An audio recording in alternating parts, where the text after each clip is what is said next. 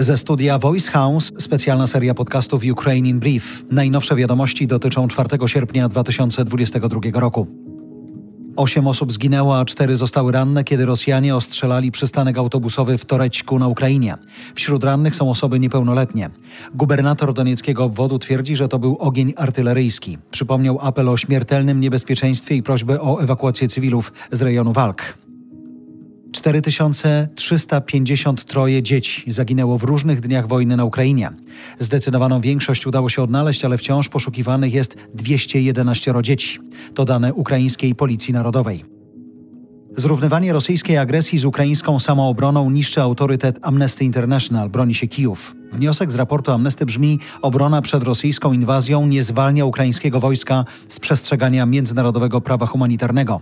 Eksperci Amnesty przez parę tygodni badali rosyjskie operacje w rejonach Charkowa, Donbasu i Mikołajowa. Cytuję to za Rzeczpospolitą. Przesłuchano świadków i krewnych ofiar ataków, zrobiono analizę broni. Eksperci potwierdzili zbrodnie wojenne popełnione przez Rosjan na cywilach, ale znaleźli także dowody, że siły ukraińskie przeprowadzały ataki z zaludnionych obszarów, narażając ludzi na odwetowy ostrzał Rosjan. Jeżeli Rosja wygra wojnę w Ukrainie, Putin dostanie potwierdzenie, że przemoc działa i wtedy sąsiednie kraje mogą być następne. To fragment wystąpienia szefa NATO na wyspie Utoja, w miejscu, gdzie w 2011 roku prawicowy ekstremista Breivik dokonał zamachu terrorystycznego.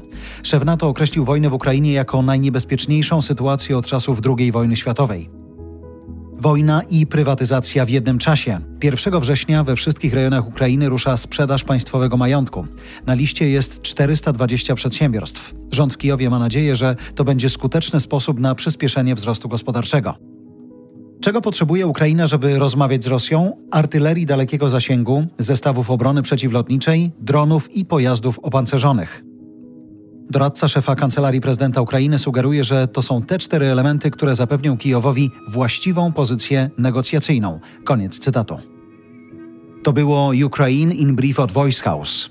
Kierownictwo produkcji Dorota Żurkowska. Redakcja Agnieszka Szypielewicz. Dystrybucja Olga Michałowska.